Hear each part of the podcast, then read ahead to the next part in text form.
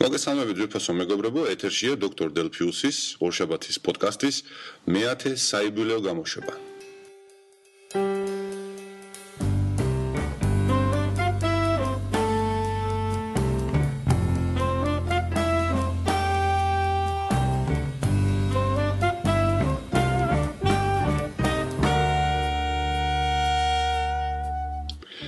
ესე იგი, დღეს არის 11 ივნისი, სამშაბათი და არა უშაბათი.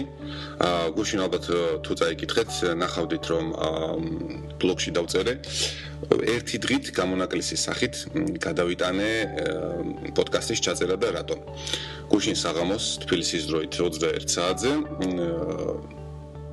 კალიფორნიაში ჩატარდა Apple-ის ყოველწლიური დეველოპერების კონფერენცია WWDC Worldwide Developer Conference. და ალბათ უპრიანი იქნებოდა იმის მაგალითად რომ თქვენ მოგესმინათ რაღაც ჩემი პირადი ცხოვრების ტანჯვის ამსახველი მომენტები. გვესაუბრა გაცილებთ უფრო საინტერესო და უფრო სახალისო ამბებზე. მაშასადამე ჩატარდა და ძალიან ბევრი პროდუქტი საინტერესოდ და რაერთგვაროვანიც შემოგთავაზა ჩვენო ძვირფასმა ეფმა.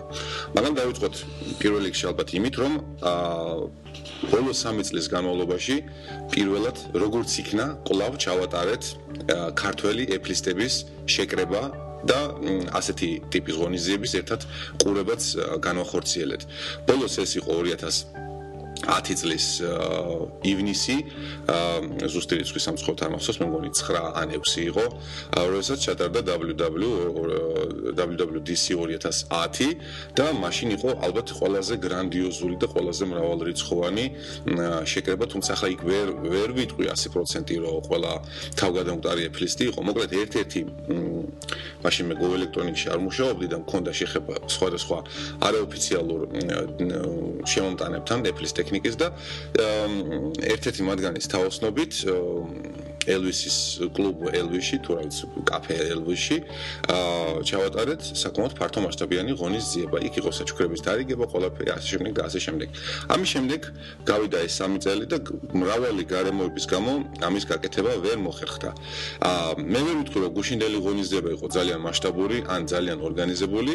აა იმეც ვიტყვი რომ აა დამსწრეებიც და ისინიც ვინც ვერც ვერ ვერ მოვიდნენ მომიტევებენ იმისთვის რომ თქვა რაღაცა ორგანიზაციო საკითხები ვერ იყო მოწოდების დონეზე მაგრამ ფიქრობ რომ მომავალში ჩვენ ასეთი ტიპის ღონისძიებებს უფრო დავხვეც და უფრო საინტერესოს და უკეთეს გავხდით. 10-ოდე კაცი შევიკრიბეთ oil drop-ში ეს არის ახვლედიანის ქუჩაზე არსებული ბარი საკმაოდ ისეთი კომფორტული, ლამაზი, აა საკმაოდ კარგი ნორმალური საჭმელებით, სასმელებითაც ასე შემდეგ. აა ზედა სართულზე ვისხედი ჩვენთვის გავიცანი რამდენიმე პიროვნება, რომელსაც მხოლოდ ვირტუალურად ვიცნობდი და უშუალო შეხება არასოდეს არ ქონია და ფრიად კმაყოფილი დავრჩი, თითოეული მათგანი ძალიან სიმპათიური და კარგი ადამიანია, როგორც ვირტუალურად, ასევე ცხოვრებაშიც. აა და დიდი მადლობა თქვენ მეგობრებო მისთვის რომ მოგზანდით და გუშტელი ღონისძიებას და ერთად ჩავატარეთ. შევიკრიბეთ და მოკლედ როგორც იქნა 9 საათზე, საღამოს 9 საათზე დაიწყო ღონისძიება. აა სამწუხაროდ ინტერნეტის არხმა გვიმტყუნა იმ თვალსაზრისით, რომ ანუ Apple-მა ეთყობა, შეგვიძლია ჩავთვალოთ, რომ Apple-მა უკვე ტრადიციად აქცია ვიდეო ტრანსლაციები, რაც რა თქმა უნდა ძალიან გასახარია, თუმცა როდესაც 5-6 კომპიუტერი ჩართულია და ყველანი ვცდილობთ შევიდეთ ინტერნეტში ერთდროულად და გადმოვკაჩო და ვუყუროთ ამ ვიდეოს, უფრო ტრანს სტრიმინგს, რა თქმა უნდა, მაშინ ინტერნეტ არხი ძალიან ბანალურად გუდება. იგივე მოხდა ჩვენ შემთხვევაშიც, არხი ძალიან ძალიან სწრაფად დაიტვირთა და პრაქტიკულად შეიძლება ითქვას, რომ ზოგი უყურებდა ვიდეოს, მე პირადად მე ვიდეო გავთიშე, იმიტომ რომ საერთოდ არ ქონდა არანაირი აზრი, იმიტომ რომ მოდიოდა რაღაც ცალკეული კადრები და შესაბამისად გადავერთვე ისე ვერჯის ტექსტურ ტრანსლაციაზე, საიდანაც ვიღებდი გაცილებით უფრო სწრაფად ინფორმაციას, ვიდრე თქვა სხვა დამსწრეები. ძალიან ბევრი პროდუქტი წარმოგვიდგინა Apple-მა. ნუ ბევრი რა, ყოველ შემთხვევაში ბევრი რევოლუციური აა დიამეტრალურად განსხვავებული იმისგან, რაც აქამდე იყო. მ ძალიან ბევრი კითხვებიც გაჩნდა არა მარტო Apple-ის მომხმარებლებში, არამედ შესაძლოა მის კონკურენტებში, მოწინააღმდეგეებში და ასე შემდეგ. მაგრამ მოდი ყველაფერს მიყვეთ თანმიმდევრობით. ნუ ახლა ზუსტ თანმიმდევრობას თუ როგორ წარმოადგინა, როგორც წარმოადგინა Apple-მა თავის პროდუქტები, მე არ დავიწყებ. აა უბრალოდ მეყვები ისე როგორც მახსოვს ზეპირად გონებით. პირველი რაც ჩემთვის პირადად ყველაზე საინტერესო მომენტი იყო და რასაც ყველაზე, ნუ ყველაზე არა, ნუ ველოდებოდი, ეს არის Mac-ის საოპერაციო სისტემის განახლება OS 10-ის ძალიან ბევრი ჭორები და მithმა მოთქმა იყო იმის შესახებ თუ რა შემდგომი რომელი კატის სახელს აირჩევდნენ ამ საოპერაციო სისტემის დასარქმევად. მაგრამ არანაირი კატები აღარ არის, მორჩა დამთავრდა კატების ეპოქა, ვინაიდან ეს არის მეათე საიუბილეო ვერსია, შეიძლება ესე ითქვას. აქ შეიძლება პატარა ის კონდეს ვერსია არის ოფიციალურად 10.9 მაშინ იტყვით როგორ არის ეს მეათე. აა იმიტომ არის მეათე რომ თავიდან იყო არა 10.1, არამედ 10.0. ნუ პროგრამისტებს ესეთი პატარა ხუმრობები რა თქმა უნდა შეგვიათ, იმიტომ რომ ნებისმიერ პროგრამისტმა იცის რომ ათვლა იწყება არა 1-დან, არამედ 0-დან. აა შესაბამისად ამ ეს არის მეათე ქვე ვერსია აა Apple-ის ოპერაციო სისტემის მეათე ვერსიის. ესე იგი ეს არის 10.9, მაგრამ მეათეა. აი ესე ცოტა აბურდულ დაბურდული. ახლა რა ქვია სახელი? სახელი ქვია ძალიან საინტერესო OS 10 Mavericks. აა ამ სიტყვას Mavericks ზოგადად ლექსიკონში რაც ვნახე განმარტება ეს არის მაწანწალა ადამიანი, მაგრამ აღმოჩნდა სხვა რამ. თუ თქვენ შეხვალთ Apple-ის საიტზე და გადახვალთ OS 10-ის გვერდზე, თქვენ დაინახავთ ფონად უზარმაზარ ტალღებს. როგორც აღმოჩნდა და როგორც გავარკვიეთ, ეს ტალღები, ასე ვთქვათ, კალიფორნიის სანაპიროსთვის დამახასიათებელი ტალღებია წყნარი ოკეანის მხრიდან და შესაბამისად ზუსტად აი ამ მაღალ ტალღებს ეძახიან ამერიკელები Mavericks.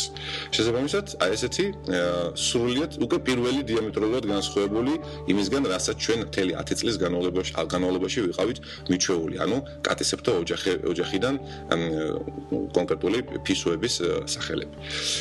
აა რას გვთავაზობს პატრიცემული Maverick-ი და თუ Maverick-ი და რა სიახლეები იქნება.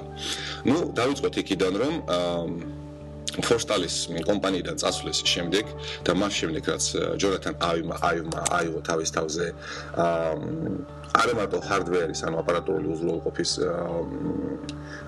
დიზაინი, არამედ პროგრამული უზრუნველყოფისაც, რა თქმა უნდა, პირველ რიგში დაარტყეს და პრაქტიკულად ძალიანად გაანადგურეს ისეთი მცნება Apple-ის პროდუქტებში, რასაც ქვია სკოემორფიზმი.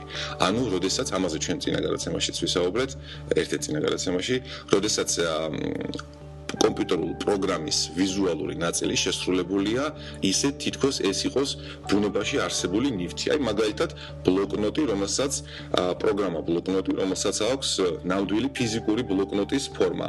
დახატული აქვს თქვა გვერდიდან ესეთი ზამბარა, რომელზეც ქაღალდია აწმული, ან ჩასმულია ის ტყავის ბუდეში და თქვა ეთყობა იქ ძაფით შემოკერებული ეგრეთ წოდებული სტროჩკა, ქართულად არ მახსოვს რა ქვია ამას და ასე შემდეგ და აი ეს არის დაახლოებით ამას ქვია სკოემორფიზმი. აა ფორსტალი იყო და სტივ ჯობსი ეს ორი ადამიანი იყო აა კომპანიაში ის ძირითადი მომოძრაობელი ძალა, რომელიც თვლიდა რომ ესე უნდა გაკეთებული იყო პროგრამული უზრუნველყოფა. რაც რა ალბათ და ეს გამოჩნდა კიდეც არ ჯონათან აივის მოსწონდა, არც ტიმ კუკს და არც თქვა სხვა უმაღლეს ხელმძღვანელობას. შესაბამისად დაიწყეს კი არა და მთლიანად გაუქმეს აა ეს მცნება არა მარტო სამაგიდე საოპერაციო სისტემიდან, ანუ არა მარტო Maverick-დან, არამედ iOS 7-დან, რომელზეც ცოტა ოდნავ მოგვიანებით ვისაუბრებთ. ეხლა მივყვეთ რა სიახლეებია. პირველი, დაემატა აპლიკაცია iBooks-ი. ანუ desktop კომპიუტერს. ანუ აქედან გამომდინარეობს ის, რომ თქვენ ციგნი შეგიძლიათ წაიკითხოთ არა მარტო iPhone-ზე, iPad-ზე ან iPod Touch-ზე, არამედ ასევე კომპიუტერის ეკრანზეც.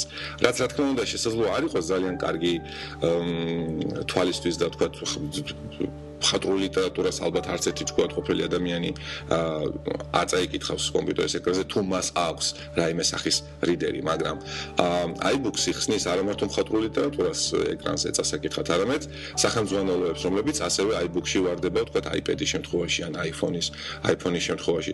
შესაბამისად, თქვენ თუ ხართ სტუდენტი და თქვა წერთ რაღაც იქ საკურსოს, რაღაც შუალედურს, ასეც, ისეც და ასე შემდეგ, თქვენ ну, ეს ახლა რა თქმა უნდა, ჯეჯურობით სამწუხაროდ ქართველებს აა ალბათ ქართულ ქართულ სტუდენტებს ნაკლებად შეიძლება ეხებოდეთ, მაგრამ თქვა საზღვარგარეთ, კონკრეტულად ამერიკის შეერთებულ შტატებში გამცხორების სტუდენტებისთვის სრულიად ჩვეულებრივი იქნება, რომ მათ გადმოწერონ რომელიმე სახელმძღვანელო Apple-ის საიტიდან უკაცრავად ცოტა გაცილებული ვარ კლავაც. და თქვა გახსნის ეკრანზე და პარალელურად თქვა დაიწყო რაღაცა ამ სახელმწიფოზე დაახლოებით რაღაცის წერა. აა რა თქმა უნდა, რომ შეძენილი ციგნები და ეს გასაკვირიც იქნებოდა ასე ვარ ყოფილიყო, შეძენილი ციგნი ყველა მოწყობილობაზე ავტომატურად სინქრონიზირდება და ჩამოიტვირთება, იქნება ეს iPad-ი, iPhone-ი, ანუ ასე თქვა, iOS მოწყობილობა, მოწყობილობა თუ თქვა desktop Apple-ის კომპიუტერი, ასევე რა თქმა უნდა ხდება სინქრონიზაცია იმ ადგილისა, სადაც თქვენ შეწყვიტეთ ერთ-ერთ მოწყობილობაზე კითხვა, გადახვალთ მეორე მოწყობილობაზე და ზუსტად იმავე ადგილიდან დაიწყებთ კითხვას, რა თქმა უნდა. აა და ნუ თვითონ ამ აპლიკაციას შესაძლებლობა აქვს, რომ გახსნას ერთ დროის ერთ მომენტში არა ერთი ციგნი, არამედ რამდენიც გაგეხარდებათ, ანუ multiple რამდენიმე ციგნის გახსნის შესაძლებლობა. რაც რა თქმა უნდა ძალიან კარგია. მეორე აპლიკაცია, რომელიც აქამდე არ იყო OS 10-ში და დღეიდან ამიერიდან იქნება, ეს არის რუკე რუკები, ну Apple-ის რუკები, ხვადაღებული რუკები, რომლებსაც ამდენი შაყერი ხუმრობა და ასე შემდეგ იყო, მაგრამ მოდით კიდევ ერთხელ კიდევ ერთხელ ვიტყვი რომ ნუ ნუ დაგვაუწყდება თუ რას წარმოადგენდა Google-ის რუკა 5-7 წლის წინათ, რა თქმა უნდა, ის არ იყო ისეთი დახვეწილი და ლამაზი, როგორც ახლა ამას წინათ Google I/O-ზე წარმოგვიდგინა კომპანიამ, ძალიან ლამაზი და განახლებული, მართლაც რომ შვენიერია, მაგრამ დარწმუნებული ვზანდებოდეთ რომ გარკვეული პერიოდის შემდეგ და ძალიან მცირე პერიოდის შემდეგ Apple-ის რუკებიც არანაკლებ ლამაზი და მიმზიდველი იქნება.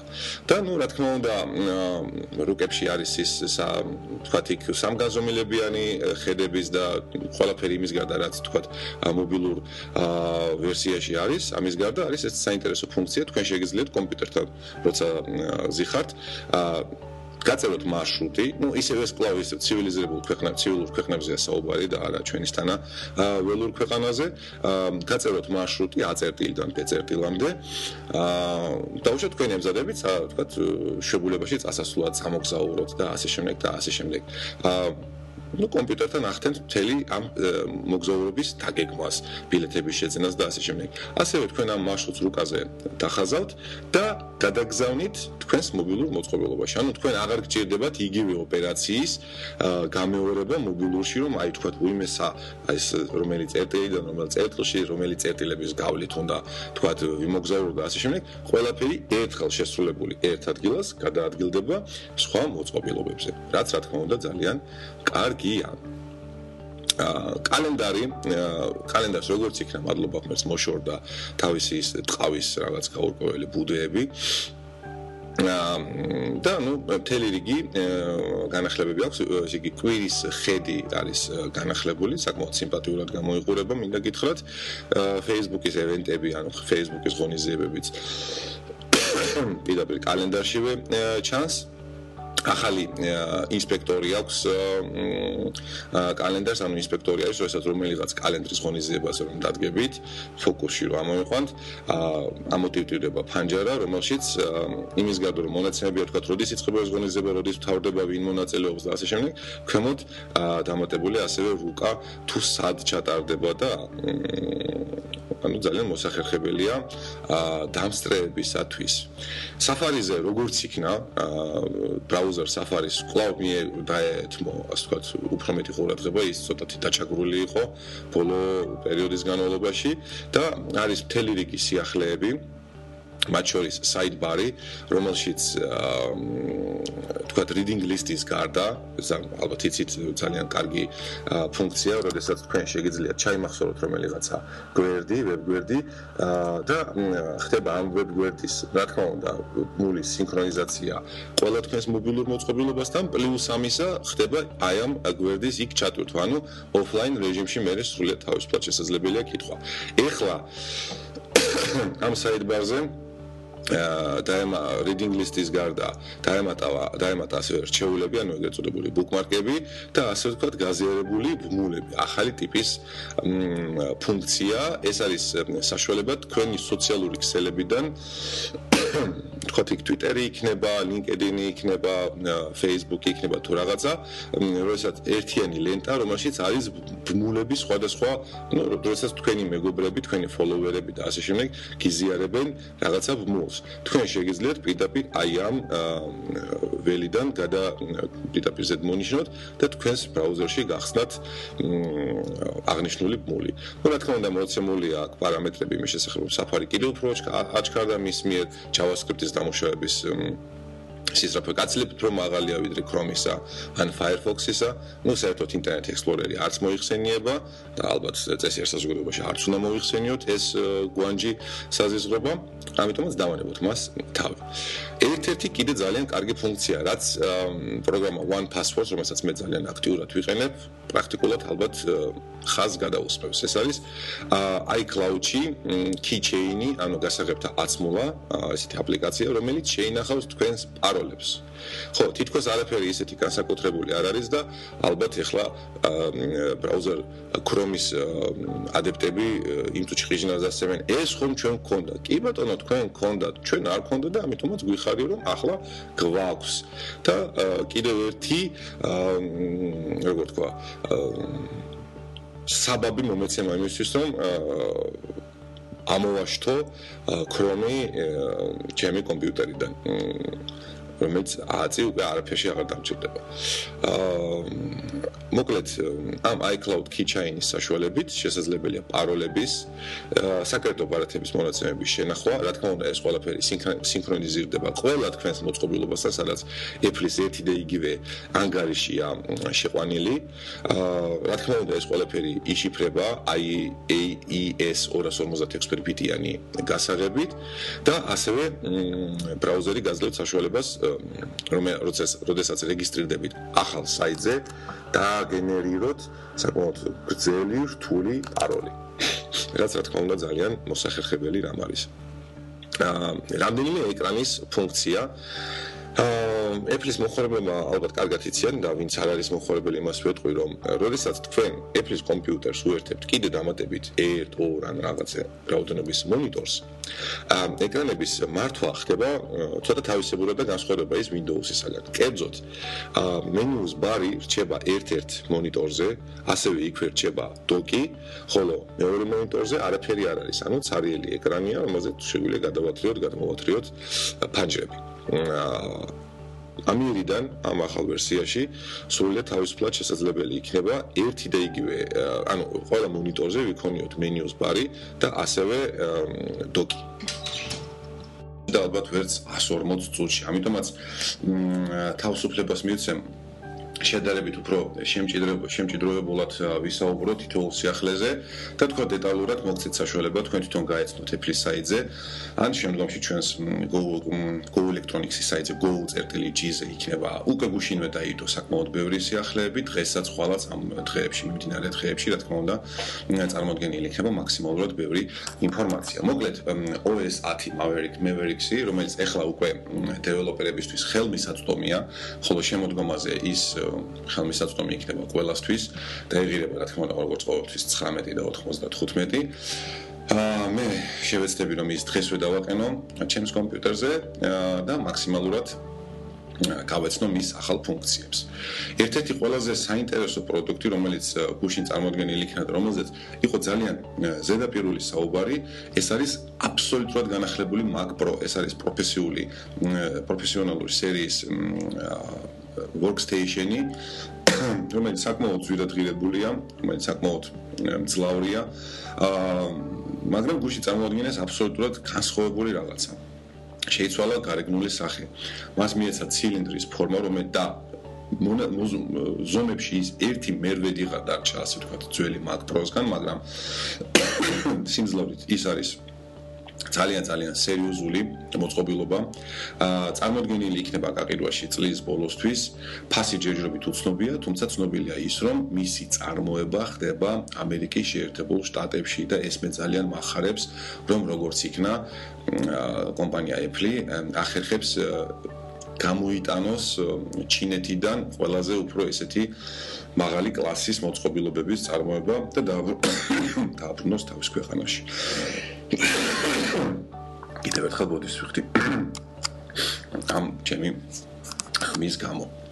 აა ტექნიკიდან, ჰარდვერიდან კიდე ასევე წარმოქმნილი იყო სრულიად განახლებული, ну, აბსოლუტურად სრულიად არა, განახლებული MacBook Air-ი, რომელშიც როგორც იქნა აა უბრალოდ რა შენიშნავს როგორც იქნა აა მოხდა ახალი Intel-ის ჩიპსეტის ჩაყენება, რამაც მოახდინა დრამატულად ავტონომიურად მუშაობის დრამატულად გაზრდა.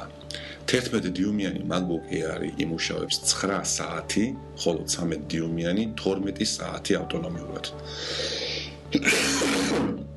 არაჩვეულებრივი მონაცემებია, მინდა გითხრათ, და მთელი რიგი პარამეტრების მიხედვით ის ერთ-ერთი საუკეთესო ნოუთბუქი ნოუთბუქად შეგვიძლია ჩავთვალოთ. ფასებიც არის ძალიან ძალიან დემოკრატიული შეიძლება ითქვას. 1300 დოლარად 256 SSD დისკით თქვენ გექნებათ მშვენიერი კომპიუტერი, მაგრამ თუ 128 გიგაბაიტის გეყოფათ, მაშინ სულ რაღაც 1100 დოლარი ეხება თქვენი MacBook Air-ი 13 დიუმიანი. მე ძალიან მომწონს, თუმცა მე გუშინ ველოდებოდი ასევე MacBook Pro-ს წარმოქმნას, რაც არ მოხდა, რაც ერთი მხრივ საწყენია, მინდოდა რომ ყოფილიყო, მაგრამ მეორე მხრივ მომცემ საშუალებას ცოტათი ავაგროვოთ ახალ და ფიქრობ რომ ერთ-ორ თვეში ეს ნოუთბუქიც მიიღებს განახლებას. კიდევ ერთი სიახლე და ამ ამ ეტაპზე ყველაზე უფრო ნიშნულოვანი სიახლე რაც არის ეს არის iOS 7 მობილური საოპერაციო სისტემა Apple-ისგან რომელიც უბრალოდ კი არ განახლდა. აბსოლუტურად შეიცვალა 100% შეიცვალა მისი გარეგნული სახე აა ხატულები დაემატა ძალიან ბევრი ფუნქციები. შეგვიძლია ვთქვათ რომ კომპანია Apple-მა iOS-ის ვიზუალური ნაწილი გააკეთა სრულად ახლიდან. უშინ ახლა ამ თემასთან დაკავშირებით ამდენ Facebook-ში და ზოგ-ზოგ სხვა და Twitter-შიც მქონდა საუბრები ჩემს მეგობრებთან, ნაცნობებთან, არაერთგვაროვანი მოსაზრებებია ამ დიზაინთან დაკავშირებით, კონკრეტულად თუნდაც ხატულების დიზაინი რო ავიღოთ. აა კიდევ ძალიან ბევრი ხმალი და ხანჯალი დაიმტრევა და გადაილეწება იმ დისკუსიებში, რომელსაც ქვია, რომ ეს არის წამოღებული Android-დან ეს არის აღებული Windows-იდან. მე ერთი შემიძლია გითხრათ. პირველი ის, რომ Windows-ის მობილური საოპერაციო სისტემასთან iOS 7 ისეთივე კავშირი აქვს, როგორც მე Apollo Belvedere-სკისთან. აბსოლუტ ანუ აბსოლუტურად არანაირი. ძალიან გთხოვთ, ნუაურებთ ერთმანეთში ეგრეთ წოდებულ tile-ებს, ანუ ფილებს, რომლებიც არის Windows mobile-ში, თუ phone-ში, როგორც ქვია, ხო, Windows phone-ში და ჩოულებრივ, ჩოულებრივ ხატულებს, რომლებიც არის iOS 7-ში. არანაირი საერთო მათ ერთმანეთთან არ გააჩინებთ. ეს არის ხატულები უბრალოდ ბრტყლად შესრულებული და გრადიენტით შესრულებული.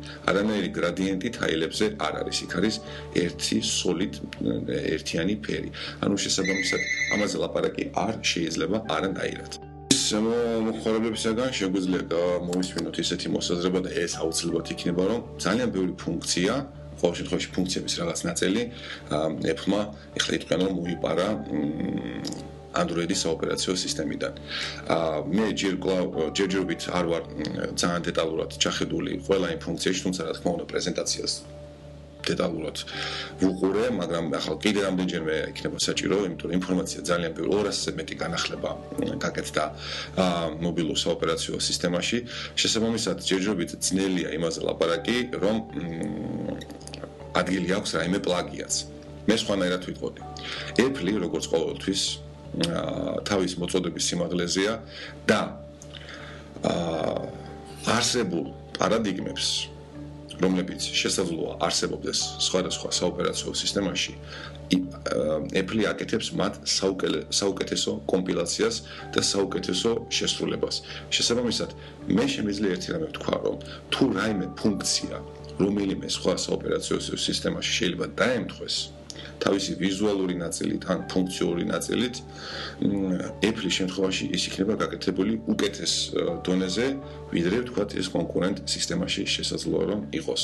და ეს არ არის უბრალოდ Apple fanboys ლაპარაკი, რეალურად უამრავი სიტუაციებია, როდესაც ესა თუ ის ფუნქცია გაკეთებული, შესრულებული Apple-ის მიერ, სხვა კომპანიებში შესაძლოა უფრო ადრე ყოფილიყო, მაგრამ ყოფილიყო გაკეთებული ძალიან ცუდ დონეზე და ცუდი ხარისხით. ავიღოთ ყველაზე ცნობილი და ყველაზე გავრცელებული მაგალითი. კი ბატონო, smartphone-ი Apple-ს არ გამოუგონია. touch screen-ი ეკრანი Apple-ს არ გამოუგონია. Apple, ანუ iPhone-ის ბაზარზე გამოსვლამდე ეს პროდუქტები არსებობდა. მაგრამ მათი შესრულების ხარისხი, დონე, ფუნქციური ნაწილი იყო აბსოლუტურად ვერ უძლებდა ვერანაირ კრიტიკას. მაშინ როდესაც Apple-ის მიერ შესრულებული iPhone 2G გახდა სტანდარტი მთელი ინდუსტრიისათვის მრავალი წლის განმავლობაში. და მე ესეთი მაგალითები შემიძლია საათ საათობით ვისაუბრო ამ თემაზე, უბრალოდ ჩვენი გადაცემის ფორმატი არ მოგცემს იმის საშუალებას, რომ ამ სიგრძეზე გავაგზავნოთ. აა თუმცა შეიძლება ერთი რამე ითქვას და ამას მეც ვადასტურებ რომ იმდენად განსხვავებულია iOS 7 თავისი ვიზუალური ნაწილით და ფუნქციურ ნაწილთან ჯერჯერობით არ მიმეწდომება ხელი. კი რა თქმა უნდა შემიძლია ჩემს iPhone 4-ზე დავაყენო ან სამსახურის iPad 3-ზე ეს ოპერაციო სისტემა მაგრამ ჯერჯერობით კიდე რამდენიმე დღე ან შეიძლება ერთი ორი კვირა თავს შევიკავებ რომ პირველი პირველი პირველი რევიუები წავიკითხე და ჯერჯერობით საკმაოდ ნედლი ვერსია ზოგიერთი აპლიკაცია გამართულად არ მუშაობს და მე არ მინდა ხელ ხელში ჯიბეში შემჭეს ტელეფონი რომელსაც რომელიც ფუნქციებს რომელიც ძალიან მჭირდება ვერ გამოვიყენებ არ და უკან დაბრუნება მე შეუძლებელი იქნება ძველ ვერსიაზე ამიტომაც თავ შევიკავებ თქვა ბეტა მეორე ბეტამდე ან შესაძლოა მესამე ბეტამდე. მე ვნახოთ. აა iOS 7 იმდენად განსხვავებული ვიზუალურად, რომ რა თქმა უნდა, Apple-ის ყველაზე თავგადამტარი ადეპტებისთვისაც კი შეიძლება ის იყოს ბჭობის განსჯის საგანი, რაღაცა მოგვეწონოს, რაღაცა არ მოგვეწონოს. აი მაგალითად, ყველაზე ხვადაღებული ხლა რაც არის Safari-ის ხატულვა, ვერანაირ კრიტიკას ვერ უძლებს. აა ასე ჩავთვალეთ ყველა, მაგრამ ჩვენი სიცოცხლეთ არ გვინახია, ამიტომაც როცა ვნახავთ, მე უფრო ვიტყვით, ან შესაძლოა მე ის გადახატონ, შეცვალონ და ასე შემდეგ. რაღაც კარამელის კანფეტის შეგრძნებას მიჩენს, ასე ვთქვათ, ეს ახალი საოპერაციო სისტემა. და ამაზე დაყრდნობით არ შემიძლია არ ვთქვა, რომ რახან ეფლმა გადააბიჭა საკუთარ თავს და საკუთარი ტრენდების მიყოლას ამჯობინა ბაზარზე არსებული ტრენდების ტრენდებიდან ასე თქვა კომპილაციის გაკეთება არ გამოვრიცხო რომ შემოდგომაზე ჩვენ მივიღოთ ფერად-ფერად корпуსიანი iPhone-ები და ასევე იაფფასიანი, ანუ ბიუჯეტური iPhone-იც. ეს ყველაფერი უკვე შესაძლებელია, გუშინ ამ თემაზეც იყო საუბარი, როგორც ჩვენი შეკრების ადგილას, ასევე მე შემდგომ უკვე ინტერნეტშიც. ფაქტი ერთია. სტივ ჯობსის Apple-ი აღარ არსებობს. სტივ ჯობსის დროინდელი და ტიპის Apple გარდაიცვალა სტივ ჯობსთან ერთად. კომპანიას ახლა ხელმძღვანელობს აბსოლუტურად სხვა ადამიანი, სხვა მენტალობის მატარებელი, სხვა ენერგეტიკის მატარებელი და ასე შემდეგ და ასე შემდეგ. შესაბამისად, ის ვერ გახდება და ალბათ არც არის საჭირო და ძალიანაც არ მინდა რომ გახდეს ის მეორე სტივ ჯობსი. ის ერთი იყო გარდაიცვალა და მორჩა დამთავრდა მისი ის დარჩება ჩვენს კონებაში და მეხსიერებაში. ეხლა კომპანიას ყავს სხვა ხელმძღვანელები, რომლებიც სხვანაირად წყვეტენ კომპანიის ბედს. რამდენად სწორი იქნება ეს გადაწყვეტილება და რამდენად არ იქნება სწორი, ამას ალბათ უახლოეს 5-7 წელიწადში დავინახავთ. აა ყოველ შემთხვევაში ჩვენ აღარ უნდა ველოდოთ იმ ხისტ ჩვენ აღარ უნდა ველოდოთ რომ Apple იქნება ან არის ისეთი ხისტი კომპანია, ისეთი კონსერვატორული კომპანია, როგორიც ის ხო Steve Jobs-ის დროს და მოდი ჩავთვალოთ რომ გუშინელი დღიდან დაწყებული 2013 წლის 10 ივნისიდან დაწყებული ეს არის კომპანია Apple ნომერი 2. მორჩა, ძველი დამთავრდა, ახალი დაიწყო. რამდენად კარგი იქნება კიდე ერთხელ გავემეორებ? მიჭერს ამაზე საუბარი, ალბათ ეს უფრო მომავალში გამოჩნდება. პრინციპში აა ჩვენი გადაცემის ფორმატიდან და უბრალოდ დროის ტაიმინგიდან ამოვარდნელი დიდად არა ვარ. აა ჩემი ხმა როგორც ხედავთ, სულ უფრო და უფრო ახლა უარასდება ამდენი საუბრის შედეგად, ამიტომაც ბევრს აღარ შეგაწყენთ ჩემი ხველებით და ჩემი დავაშკაცებული ხმით, ხმით აა და ამით დღეს გადაცემას დავასრულებ. და იმეც ვიქონიებ, რომ შემდეგი გადაცემისთვის ესეთი გამოჯამთლებულიც ვიქნები და მთელი კვირის განმავლობაში კიდევ ბევრი საინტერესო რამ მოხდება როგორც IT სფეროში, ასევე ჩემს პირად ცხოვრებაში და ჩემს გარშემო არეალში. კეთილი სურვილებით გემშვიდობებით, კარგად ბრძანდებოდეთ.